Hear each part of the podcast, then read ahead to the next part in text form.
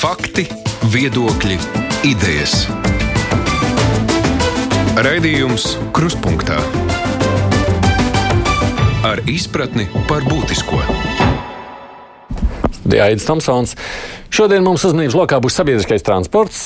Rīgā nu, jau faktiski ir izveidojusies tāda kā tradīcija, ka trešdienas kruspunktā mums ir amatpersonu stundas. Tātad iespēja žurnālistiem un klausītājiem izvaicāt kādu no atteicinātajām amatpersonām. Un šoreiz uz raģio esam aicinājuši Rīgas satiksmes valdes priekšsēdētāju Džinetu Innus, kur ir studijā. Labdien! Labdien!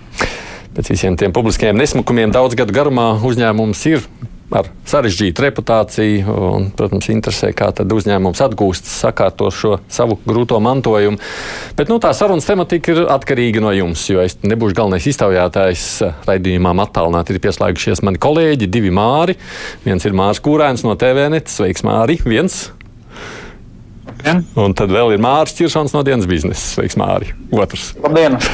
Nu, un klausītāji, kā parasti, iespējams, arī ir uh, vislabāk sūtīt caur mājaslapu. Tas ir visdrošākais veids, kā sanāk, atnākt līdz manīm ziņas raidījumam, kruspunktā. Nu, iespēja robežās centīšos arī pacelt telefonu klausuli 6722, 888, viens no telefona numuriem, uz kuru varat droši zvanīt. Nu, un reiz man ir iespēja uzdot to pirmo jautājumu, izmantošu to privilēģiju un pajautāšu, kā tad jūs. Um, nu, tīri subjektīvi pat jūtat, cik ļoti jums turpina vilkties līdzi šī pagātnes ēna, un vai tiekat tai pāri? Nu, no pagātnes jau nekur neaizbēgsim. Un, pagātne, protams, sākotnēji atstāja daudz lielāku iespaidu uz mūsu ikdienas darbu. Bet tad strauji sākās pandēmijas process, jau mums bija vienlaikus tie jautājumi jārisina, kā, kā nodrošināt pārvadājumus. Bet, protams, nu, ir lietas, kuras turpina risināt un risinās tiesību sargājošās institūcijas. Un mēs par šīm lietām, kā uzņēmuma valde vai, vai teiksim, uzņēmums, nu, vairs rūpi neturam, jo tas ir jādara tomēr speciālistiem, kas ar šīm lietām strādā. Bet, protams, pašā sākumā, pagājušā gada pirmajā pusē, mūsu pats lielākais izaicinājums bija teiksim, atrast tādu saprātīgu līdzsvaru ar finansētājiem sarunās, teiksim, visu aizdevumu, piešķirto aizdevumu izmantošanas atsākšana, lai mēs varētu kaut drusciņi sākt jau plānot uz priekšu, kā uzņēmums strādās, ar kādiem transportiem, saprotot, ka tūlīt, tūlīt pie, Eiro, pie durvīm klauvē visādi Eiropas regulējumi attiecībā uz zaļiem transportiem, uz vides jautājumiem, tāpat arī iekšējie procesi procesi, darbinieku atlīdzības. Kopumā sakot, man šķiet arī tīri subjektīvi, mēs esam izdarījuši neticami daudz ņemot vērā visus, visus arī ārējos apstākļus, mēs gan pagājušajā gadā palielinājām nedaudz, bet tomēr darbiniekiem algas, tieši transporta līdzekļu vadītājiem.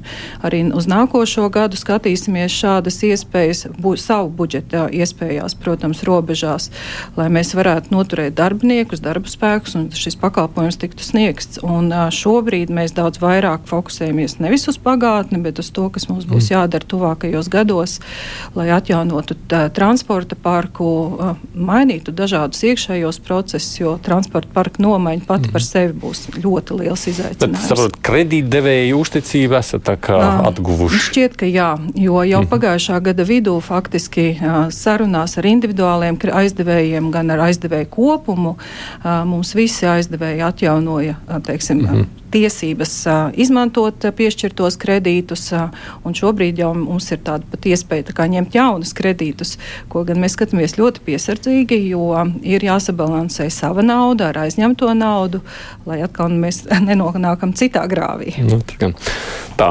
kolēģi, kurš no jums pirmais ķiršankungs? Es tomēr gribētu par to pašu pagātni un pandēmijas laiku. Es skatos, ka uh, uzņēmuma apgrozījums pērnajā gadā ir 173,5 miljoni, peļņa 980 tūkstoši. 19. gadā bija 191 miljonus, apgrozījums un peļņa bija 7,7 miljoni.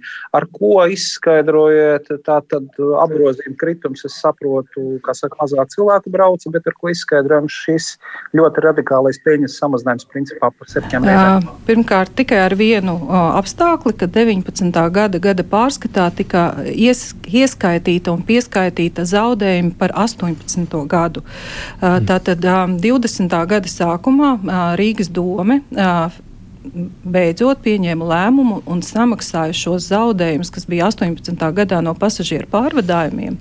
Uh, samaksāja Rīgas satiksmei un attiecīgi viņi iegāja 19. gada peļņas, peļņas mm. rādītājos, un tas arī ļoti vienkāršā veidā atspoguļojās kopējā peļņas apmērā. Mm. Okay. Tad varbūt es gribētu papildus jautājumu, un tad jūs varētu arī izstāstīt, cik lielas ir Rīgas domas dotācijas Rīgas satiksmē, varbūt arī tajā pašā 20. gadā, 19. gadā un arī 21. gadā, ja vien tas tie cipari, es domāju, ka viņi nav noslēpums. Neviens cipars nav noslēpums, arī ir publiski visi pieejami. Nu, es tagad varbūt no galvas gluži neatcerēšos par 19. gada dotācijas apmēriem, jo es tajā laikā tomēr nestrādāju. 2020. gadā dotācijas apmērs pārsniedza 120 miljonus, tā skaitā mums arī samaksāja pirmā ceturkšņa pirmā pusgada, 20. gada pirmā pusgada Covid zaudējums, ja, kad sākās šī straujā pasažieru skaita samazināšanās, respektīvi tā tad bija aizliegums pārvietoties ar sabiedrisko transportu. Savukārt 21. gadā budžeta projekta, budžetā ir ieplānoti 110 miljoni apmēram, taču arī šobrīd mums būs nedaudz vairāk liela dotācija, jo mums jau ir samaksāti zaudējumi par šī gada pirmo ceturksni nepilnu 3 miljonu apmēram apmērā. Tātad, Tas ir uh, pašvaldības plāns, ko plā, pašvaldība plāno finansēt teiksim, šo starpību starp um, pa, pasažieru pārvadājumu izdevumiem, uh, iekasētajām uh, finansēm no paša, pārdotajām biļetēm, ja, tātad visām šiem uh, pasažieru grupām, kas tiek pārvadāts ar atlaidēm, ļoti lielām atlaidēm, uh, 100% un uh, pat uh, no 100 līdz 60% apmērā. Mm, okay. Otrs Mārs grib ko jautāt? Jā, es vēlos jautāt par šīm atlaidēm sabiedriskajā transportā. Vai ir kāds plāns šīs atlaižu programmas pārskatīt, vai, vai, vai ir plānots ieviest arī kādas jaunas atlaides, piemēram?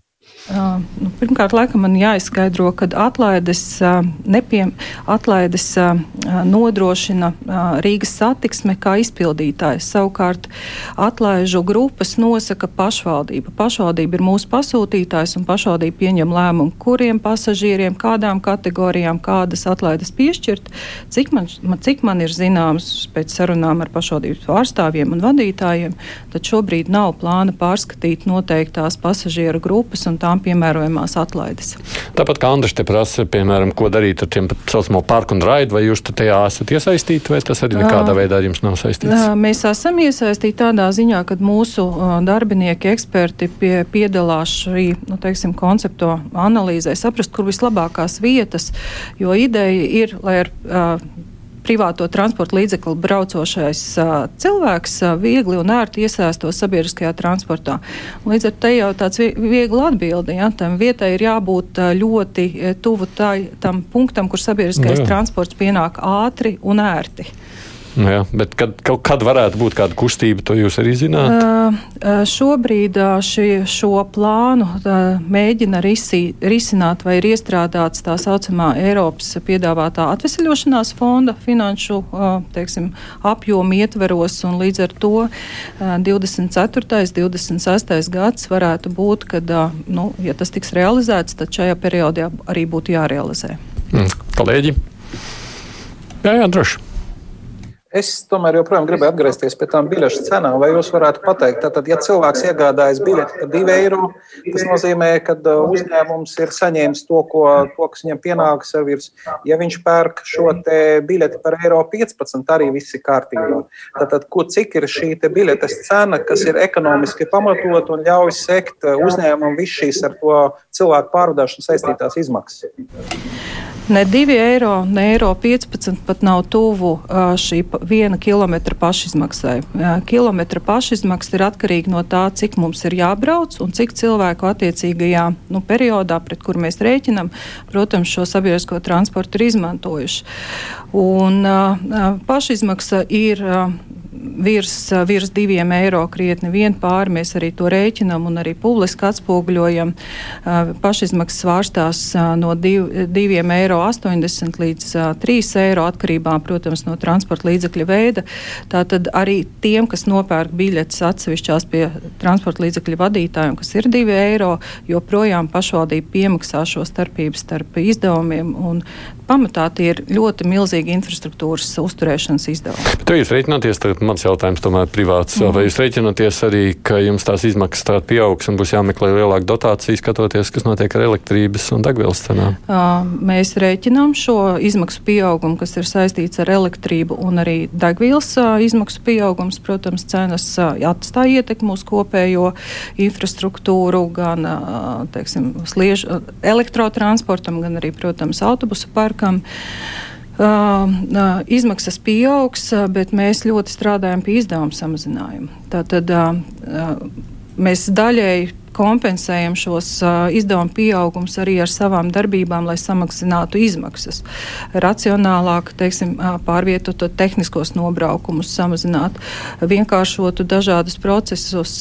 Nu, teiksim, ļoti sarežģīts uzņēmums ar ļoti sarežģītām darbībām, kurās var atrast, atrast dažādas vietas un telpu arī savu, savu izdevumu samazināšanai. Un tas savukārt atkal ļauj pašvaldībai, nu, teiksim, Uh, domāt, ka būs jā, nepieciešama nu, teiksim, tāda saprātīga dotācija vai dotācijas palielinājums saprātīgā apmērā. Mm. Mārim Kurānam došu vārdu. Jā, un šajā ziņā man arī ir jautājums, vai tas varētu liecināt, vai šī situācija ar, ar izmaksām varētu liecināt par to, ka kaut kad tomēr būs jāpaukstina arī šī brauciena maksa. Uh, tas ir tomēr pasūtītāja valsts un pašvaldības kompetencē esošs jautājums. Ja mēs skatītos tikai no uzņēmuma viedokļa, tāda maksa bija jāpaukstina jau labi sen. Taču pašvaldība kā pasūtītājs rēķinoties ar savu iedzīvotāju, arī acīm redzot maksāt spēju šo demografisko situāciju dažādām pas, personu grupām, nu, mēģina sabalansēt, lai šī sabiedriskā transporta iz, izmantošana būtu teiksim, pievilcīga. Uh, nav liela māksla pieņemt lēmumu paaugstināt cenas. Uh, ja politika ir tomēr no privātā transporta pārsēdināta uz sabiedrisko transportu, tad ir jāatrod tas līdzsvars, kad pasažieris ir motivēts pārsēsties. Jo, ja mani personiski izdevumi privātā transportā būs mazāki nekā sabiedriskā transporta biļetes cena, uh, mēs iegūsim pilnīgi pretējo efektu. Tā tad nevar skatīties skatīties tikai uz uzņēmumu kopējiem izdevumiem vai dažādiem tur, nu, teiksim, ieņēmumiem no biļetēm. Tomēr jāskatās no kopējā labuma, ko uh, sabiedrība un arī pilsēta kā pašvaldība gūst uh, no šī visa kopuma. Cik cilvēki pārvietojas un ar kādu transportu viņi izvēlas pārvietoties. Tā kā šobrīd tādas plānu nav nemaziem. Šobrīd tādu plānu nav. Māris Čiršans. Tad uzreiz jautājums, tātad biļešu cenas šobrīd nesedz izmaksas. Faktiski uzņēmums dzīvo uz tā, ka ir Rīgas doma šī dotācija.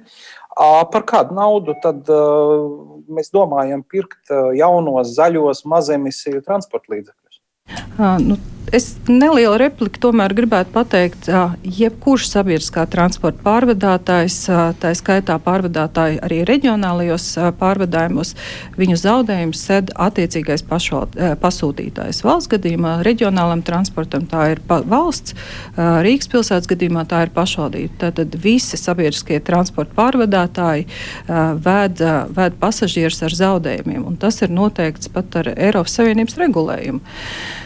Par jauniem transporta līdzekļiem tieši tāpēc mēs skatāmies, pirmkārt, mēs sakārtojam uzņēmumu, lai mums būtu tiesības pretendēt uz Eiropas Savienības līdzfinansējumu. Tas ir viens no avotiem, un otrs, protams, ir aizņemtie līdzekļi. Jā.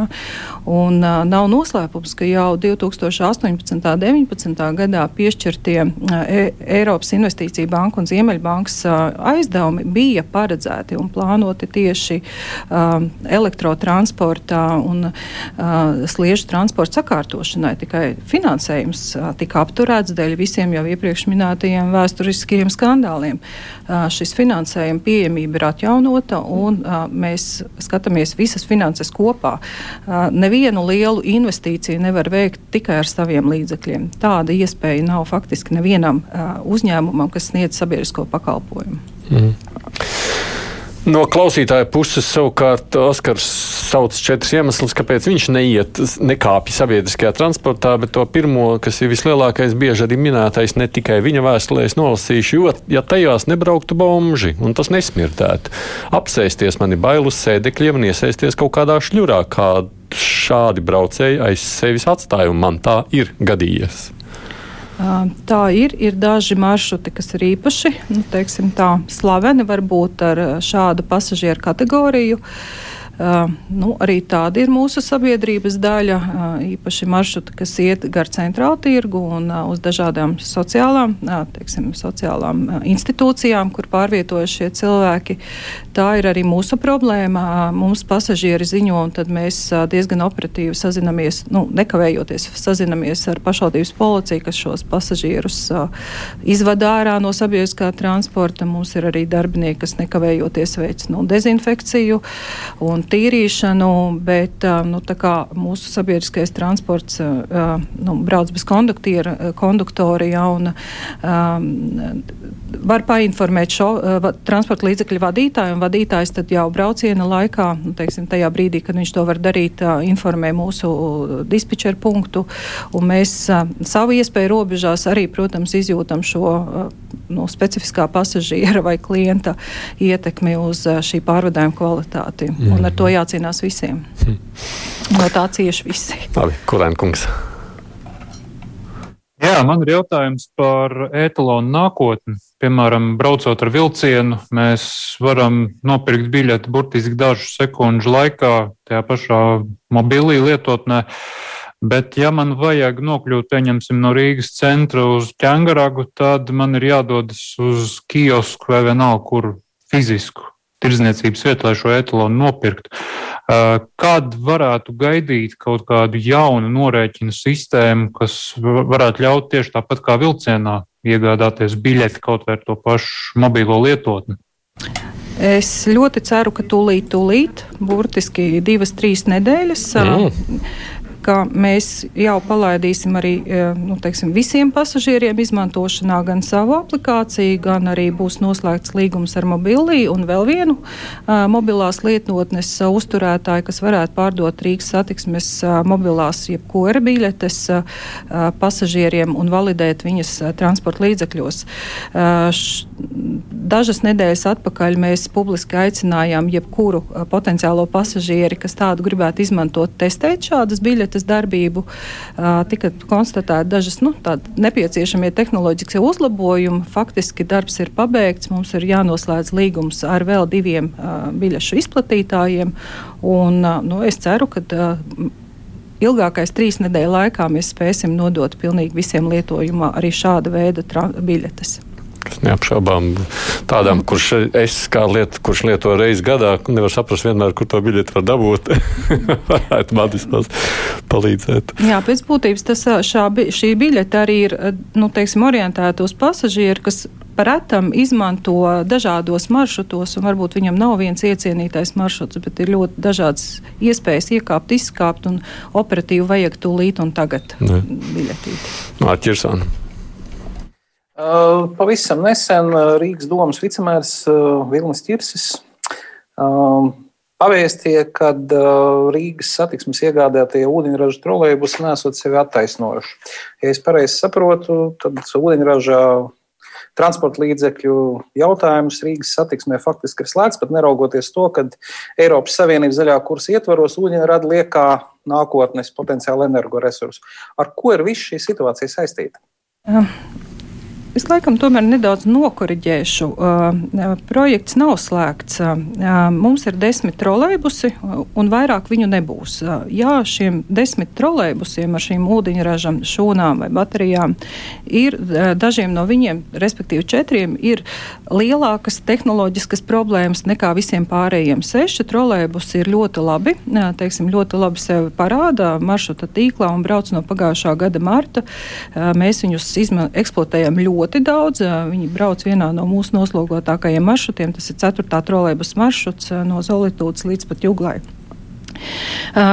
Kāpēc varbūt tiek kaut kur minēts, ka mēs esam atteikušies? Mēs šobrīd pārtraucām iep, nu, teiksim, plānoto iepirkumu vēl ūdeņraža autobusu iegādēji, jo šīs vasaras laikā mēs veicām tirgus izpēti, lai saprastu, cik ir tādi ražotāji, kas būtu gatavi Rīgas satiksmē piedāvāt vismaz 15 vai apmēram 15 autobusus uh, uh, un uh, pie, atvest viņus uz Rīgu un kāda būtu tā noteiktā cena. Uh, diemžēl tirgus izpēte beidzās diezgan ar tādu bēdīgu secinājumu, ka ir tikai viens pretendents, kas attiecīgi nozīmētu neadekvāti augstu cenu, pilnīgu konkurences trūkumu un iespējams arī tās pašas vecās tehnoloģiskās problēmas, kādas jau ir tro trolēbusiem. Tāpēc mēs šo jautājumu esam atlikuši uz laiku, kad ūdeņraža autobusiem parādīsies nu, teiksim, daudz pievilcīgāka tirgus situācija no pārdošanas viedokļa. Mums būs vairāk pretendentu, no kā izvēlēties.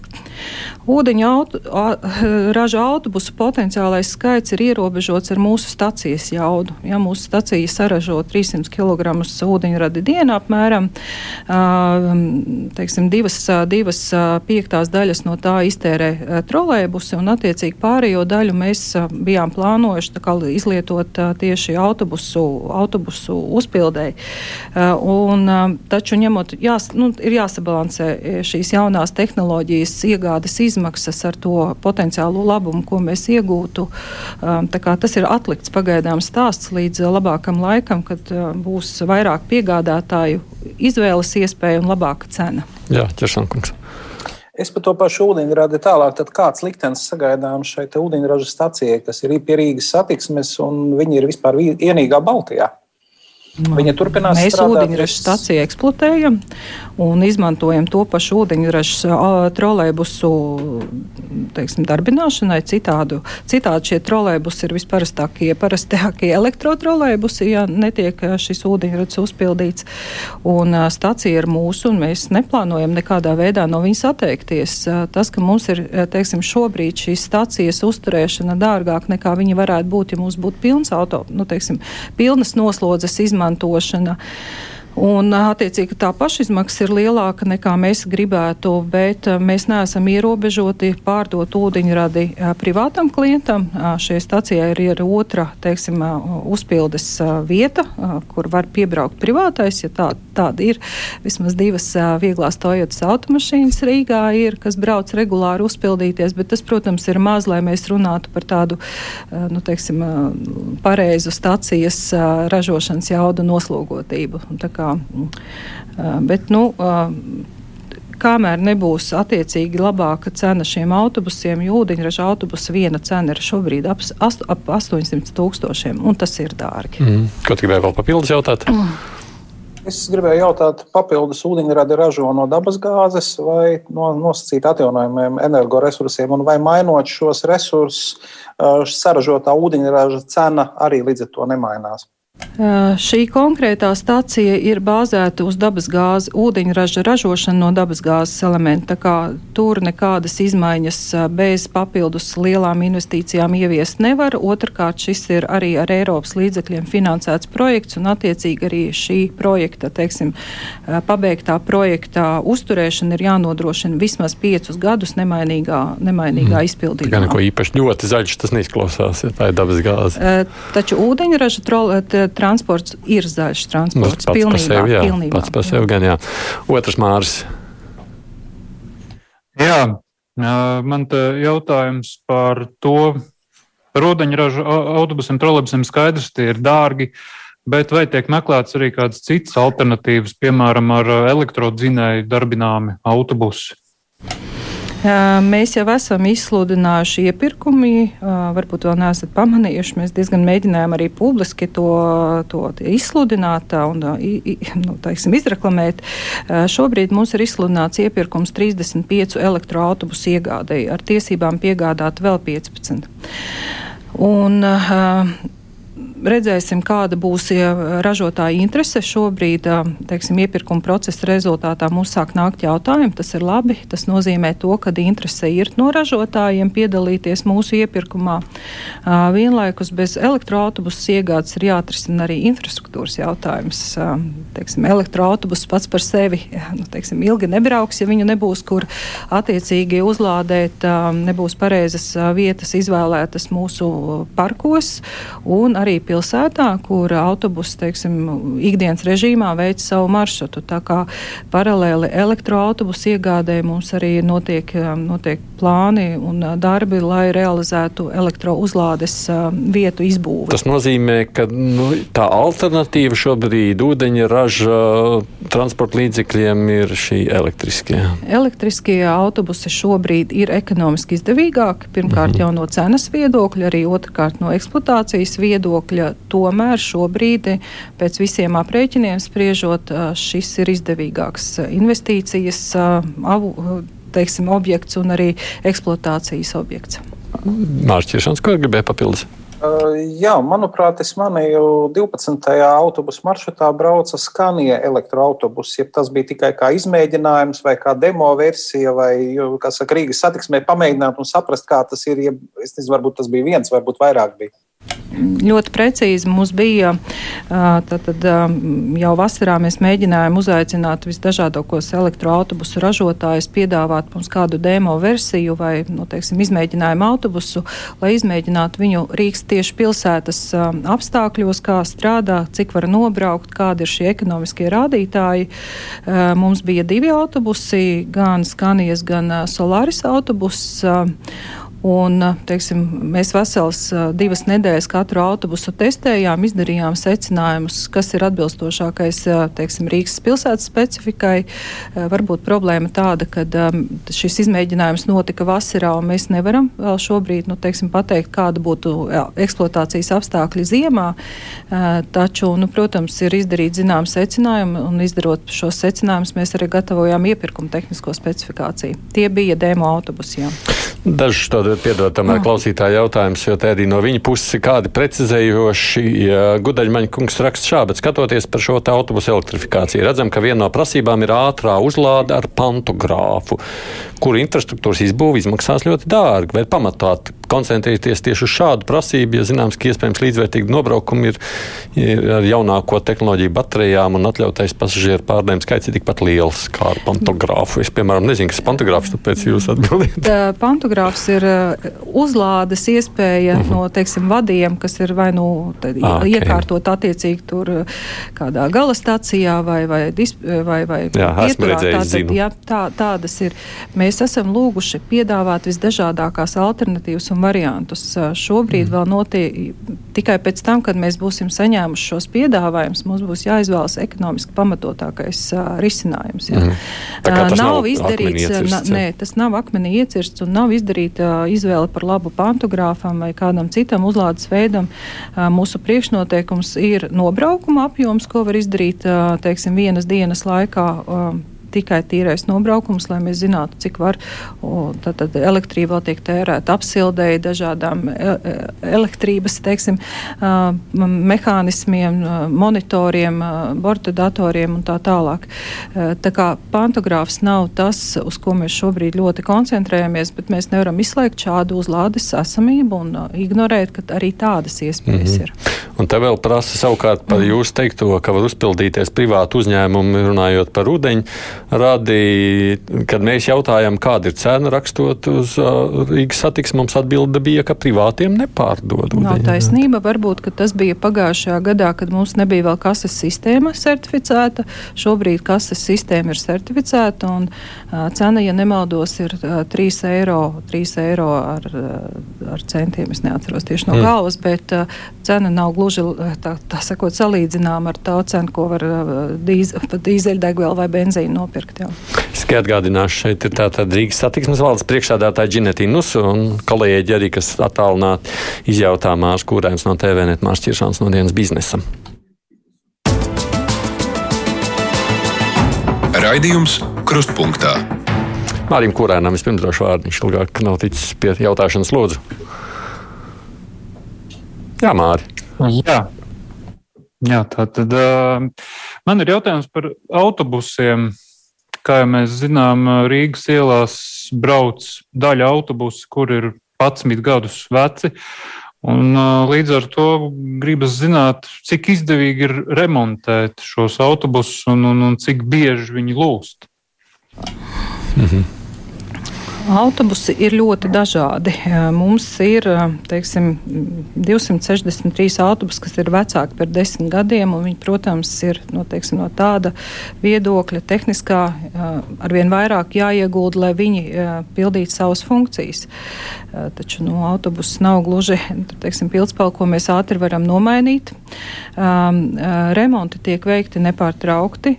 Viena problēma ir tā, ka, protams, autobusiem ir kaut kāds tehniskais nobraukums, bet ir arī nu, satiksme tāda, kāda viņi ir, un arī mūsu sabiedriskais transports katru dienu nu, cieši ceļu satiksmes negadījumos, un visi šie, teiksim, avāriju sekas tiek novērstas Rīgas satiksmes pašu, pašu darbinieku līdzekļiem.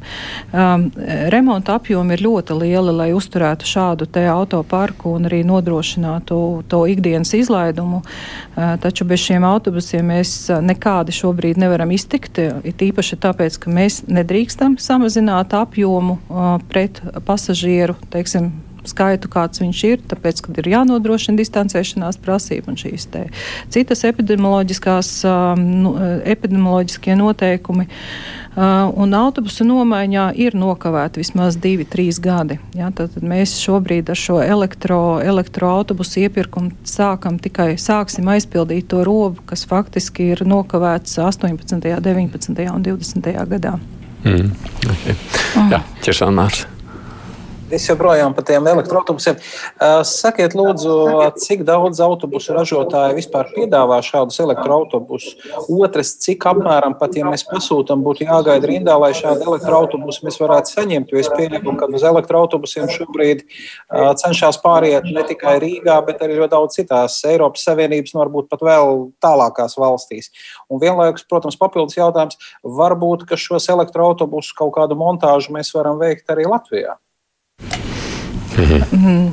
Pirmkārt, iepirkums vēl nav beidzies, un um, es neņemos ne prognozēt, ne arī spekulēt, cik mums galu galā ražotāji atnāks pie mums un savu piedāvājumu iesniegs. Uh, Mums ir jāpaciešas nedaudz līdz decembrim, kad mēs zināsim, kādi pretendenti vēlas turpmāk strādāt Rīgas satiksmē šī iepirkuma ietveros.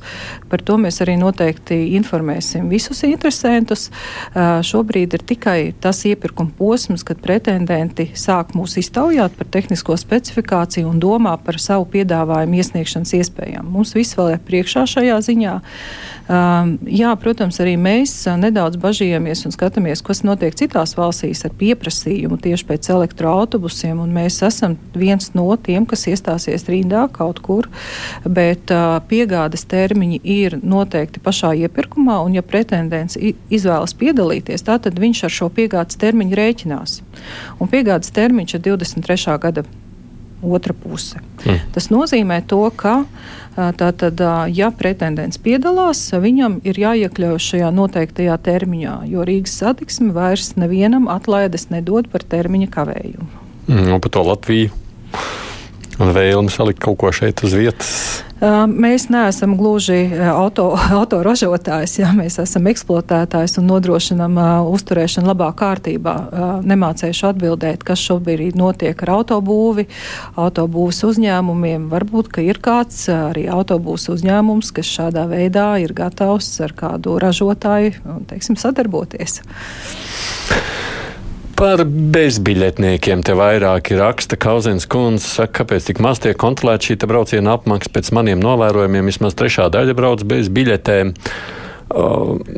Es droši vien varētu pievienoties tam visam, un te arī kāda saka, nu, varbūt tomēr ir vērts atgriezties pie konduktoriem, sakot, jūs vairāk iekasēsiet, pirmkārt, otrkārt būs iespēja vairāk nodrošināt, ka tur ir lielāka kārtība pašos transporta līdzekļos.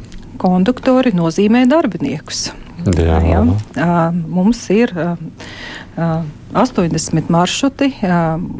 Maršrutu izpildi nodrošina 1800 transporta līdzekļu vadītāji. Tas nozīmē, ka apmēram tādu pašu apjomu mums vajadzētu konduktorus. Nē, tas nav risinājums, jo darba, teiksim, tā, darba samaksa un darba nosacījumi, kas ir jānodrošina darbiniekam, ir daudzkārt lielāki nekā viņš iekasētu no šī potenciālā bezdarba. Tā rāda aprēķini.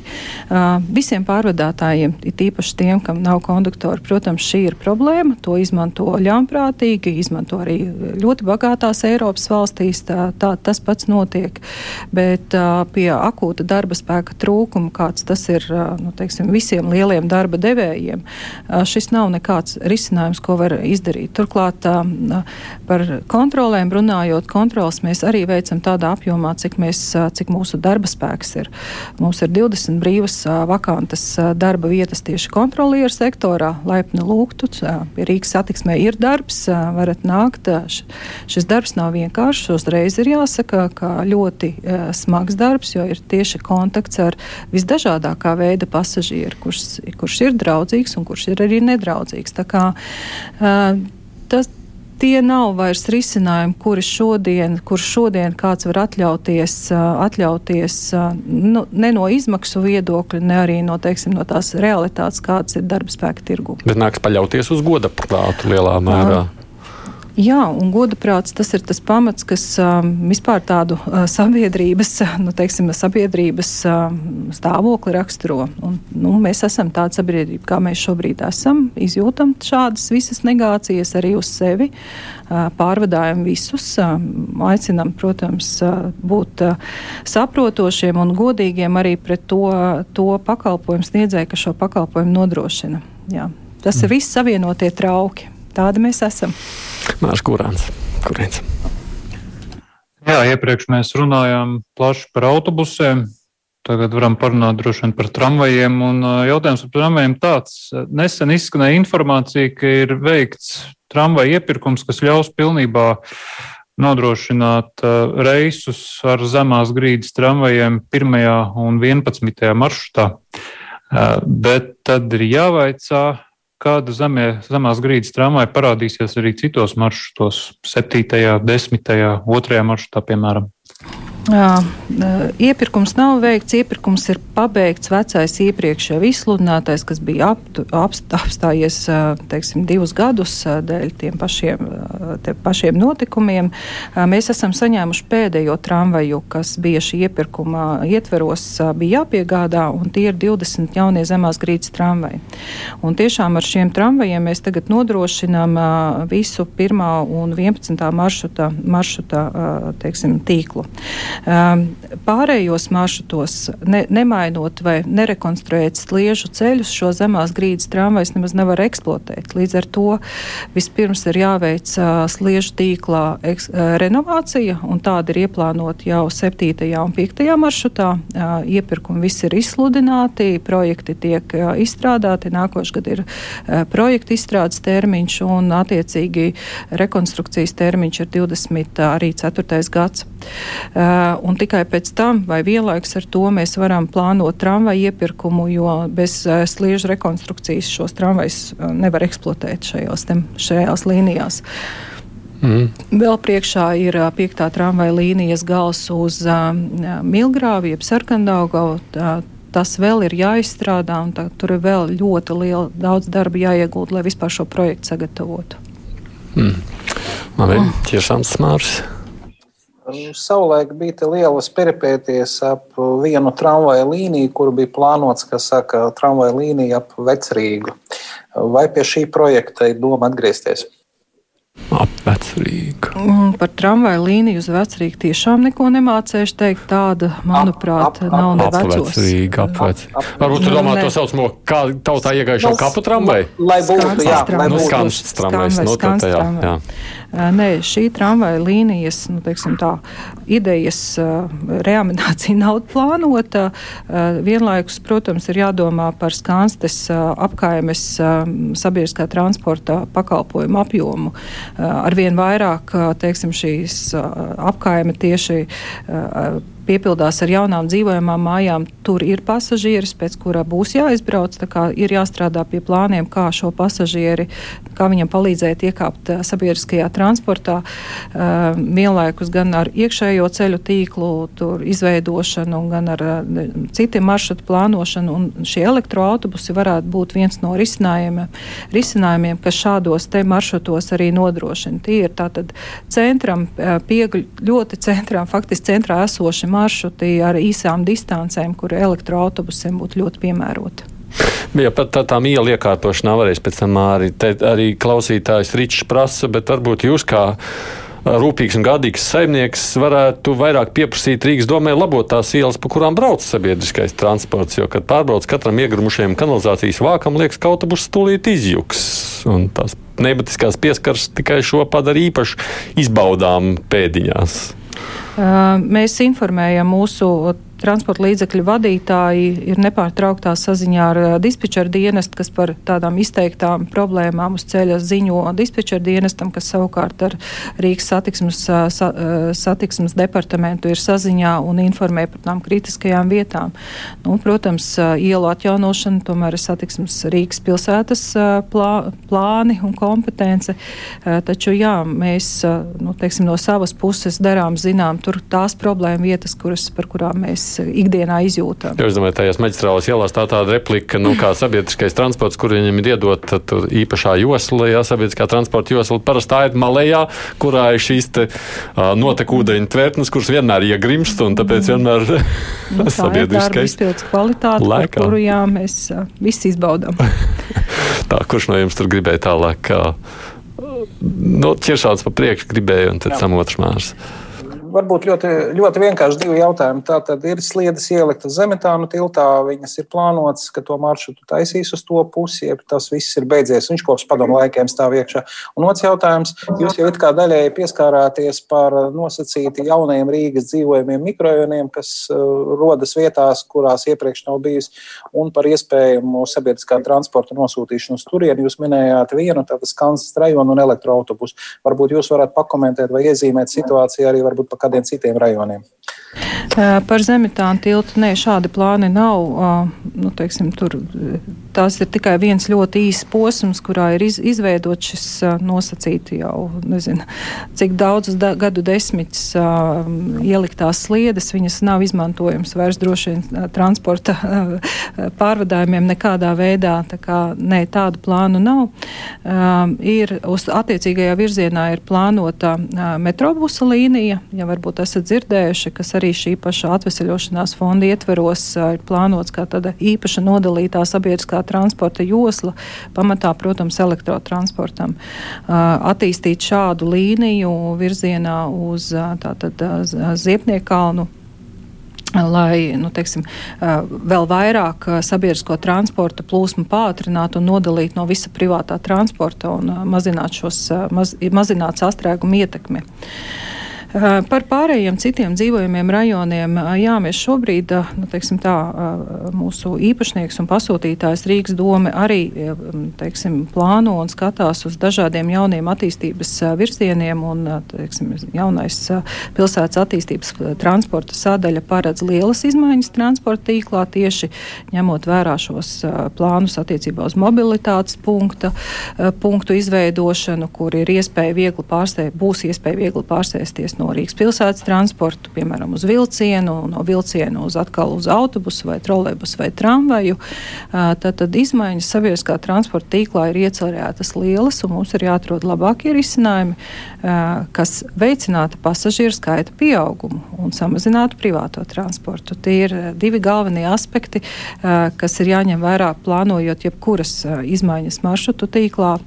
Un otrs virziens, kur pilsēta kopā jau ar valsti skatās, augtās ir tātad pierīgas pašvaldības, kuras tātad jau iekļauj šajā Rīgas metropoles areālā, un nav jau noslēpums, ka ļoti daudz, daudz Rīgas pilsētā esošie pasažieri pēc būtības brauc uz Rīgu no rīta strādāt un vakarā brauc atpakaļ uz savām pierīgas, pierīga esošiem mitekļiem.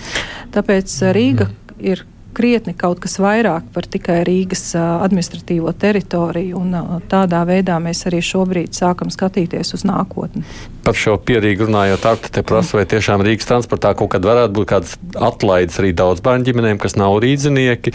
Nu, sakot, ka ja daudz bērnu ģimeni iebrauc Rīgā, viņi, protams, nevar pārs atļauties pārsēsties sabiedriski. Jums notiek kaut kādas sarunas ar tām pierīgas? Nu, tas ir naudas jautājums. Tas ir saprotu. naudas jautājums, un šeit ir vieta pašvaldību deputātiem. Ir mhm. jāapsēž jāsēžas pie viena galda un jāvienojas par noteikumiem. Mēs varam izpildīt jebkādus noteikumus, un arī šādiem pasažieru kategorijai, ja vien viena vai otra pašvaldība ir gatava attiecīgi šo starpību nu, teiksim, finansēt tehniski, un tiešām arī tā morāli tā nav, tā nav problēma, bet, protams, arī attiecīgo pašvaldību vadītājiem ir jāspēj par šo vienoties.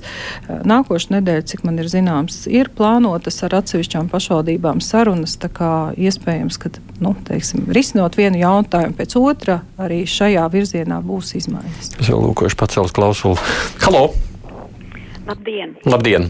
Es gribētu jautāt par lielām problēmām, ne, bet par nelielām pro problēmām, kuras ir radušās brīvības gatvē. E, tā kā Inus kundze mums nav atbildējusi uz iesniegumiem, tātad mēs gribētu to atbildi zināt šodien posmā starp struktūru un bajāru ielu, kur patreiz uztais lielu izbrauktu no projektētā uzbūvētā veikala. 9 metru platumā tiek pārtraukts veloceliņš, apkārtējiem iedzīvotājiem izbraukšana no viņu zemes gabaliem, un to visu mēs divu gadu laikā nesam varējuši atrisināt.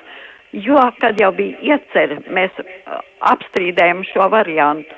Un tomēr, neskatoties uz to, ka tiek pārkāpti, acīm redzot, pārkāpti saistošie noteikumi 34. Par ši, šī zemes gabala izmantošanu atbilstoši tehniskiem noteikumiem. Tas ir saistībā to jau no Lidl veikala, vai ne? Jā, un Tas mēs saistībā. gribētu mhm. tiešām dzirdēt atklāt, es... kāpēc mūsu vazā visu laiku aiz deguna neatbild septiņi Vārdsakot, jautājums ir, es pieļauju, ka ne tīri jūsu jautājums tomēr, bet tajā pašā laikā tā ir sabiedriskā transporta josla, un tur tas rītdienas veikala atvēršana varētu radīt arī sabiedriskiem transportam pamatīgas problēmas. Tur nav ieskriešanās, ne nobraukšanas joslas uz ir taisnība. Sabiedriskā transporta joslas pēc mūsu rekomendācijas tiek izstrādāts, bet šis, šo jautājumu es pāradresēšu saviem kolēģiem Rīgas domas satiksmes departamentā, kas droši vien ir jūsu iesniegumu saņēmuši un droši vien arī spēs sniegt sniegt atbildi. Bet nu, rītdiena jā, varētu būt diezgan izaicinoša arī sabiedriskajam transportam. Tāda neliela, nelaba pieredze pagājušajā gadā ar Ziemassvētkiem bija jācer, ka neatkārtosies šis, šis pats scenārijs. Kurēnkungs? Jā, par Rīgas un pierīgas pasažieru plūsmu runājot, ir jautājums, vai Rīgas satiksme kaut kā risina jautājumus ar pasažieru vilcienu nu, par to pašu vienoto norēķinu sistēmu, piemēram, vai arī saskaņot atsevišķu maršrutu kursēšanas laikus. Vienotās norēķina, ja tās augtās tautā sakot, vienotās biļetes jautājumu tomēr risina valsts pusē valsts autotransporta direkcija. Taču, jā, mēs ar šo jautājumu strādājam, jo visdrīzāk Rīgas, Rīgas satiksme būs kā, nu, teiksim, bāzes pakalpojums sniedzējs, uz kur šī vienotā norēķina sistēma arī tiks modelēta un arī tiks, nu, pamatā eksploatēta, ja, jo mēs esam absolūti lielākais. Un šīs vienotās norēķina biļetes um, sistēmas uh, tieši lielākais izaicinājums ir, kā savstarpēji nodrošināt šie, uh, teiksim, savstarpējos norēķinus starp dažādām zonām, dažādiem tarifiem, dažādiem pakalpojumu sniedzējiem, kuram katram ir savādāka tarifu sistēma.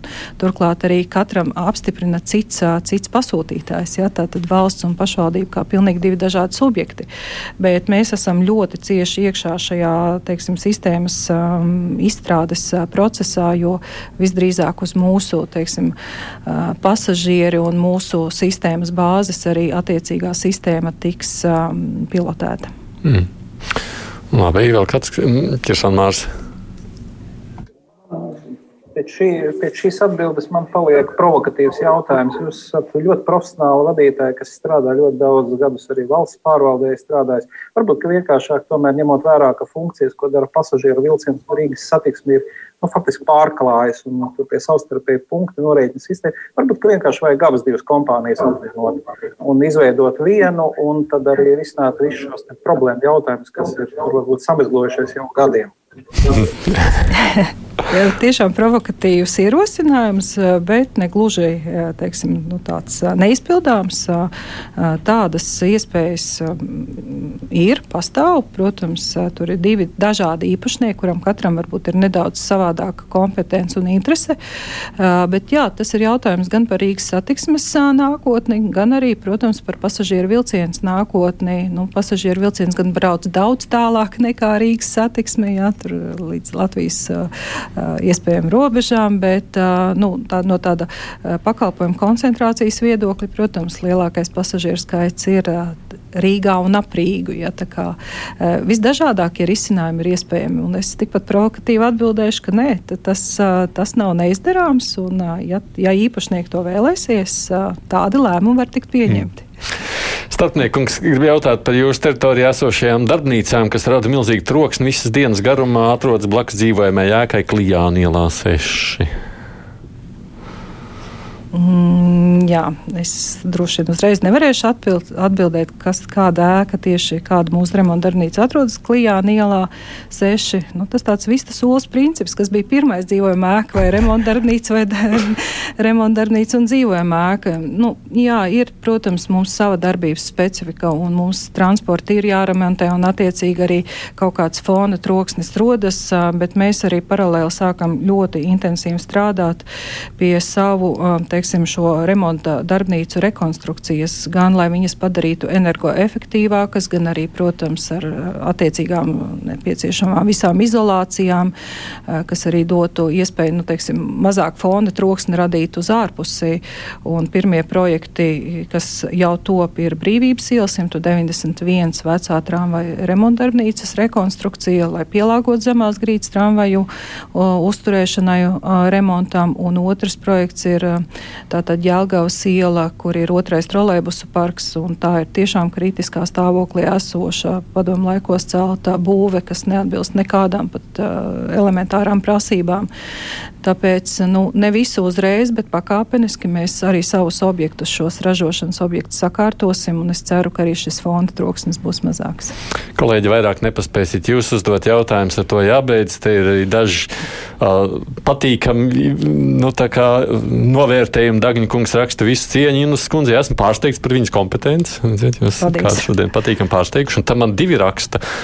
Pasveiciniet Džinetu viņas šodienas lielajā jubilejā, apaļajā jubilejā. Tā tiešām ir. Paldies. No, tas ir sveicam jūs, Paldies. ka jums savā lielajā jubilejā bija jāatnāk šeit uz Latvijas radio arī atbildēt uz Gan žurnālisti, gan arī klausītāji jautājumiem. Es saku, protams, paldies, kolēģi, ka jūs pieslēdzāties, ko nu paspējāt. To jūs arī varējāt paspēt pajautāt diviem māriem, kuriem es šeit mēģināju izlavierēt. Mārs Kurēns ir no TVNet un Mārs Čiršāns no dienas biznesa. Paldies jums un, protams, paldies Žinta Innusai par to Latvijas Rīgas satiksmes valdes priekšsēdētāji par atnākšanu uz Latvijas radio viens. Nu, ja kādi grib šo sarunu dzirdēt rūpīgāk, un es, protams, atvainojos tiem klausītājiem, kas nespēja. Nu, nu, kur jautājums nespēja pāradresēt. Nu, kurš punktā producenti un Nāma, un studijā šīs dienas sarunu vadīju es, Aidis Tomsons.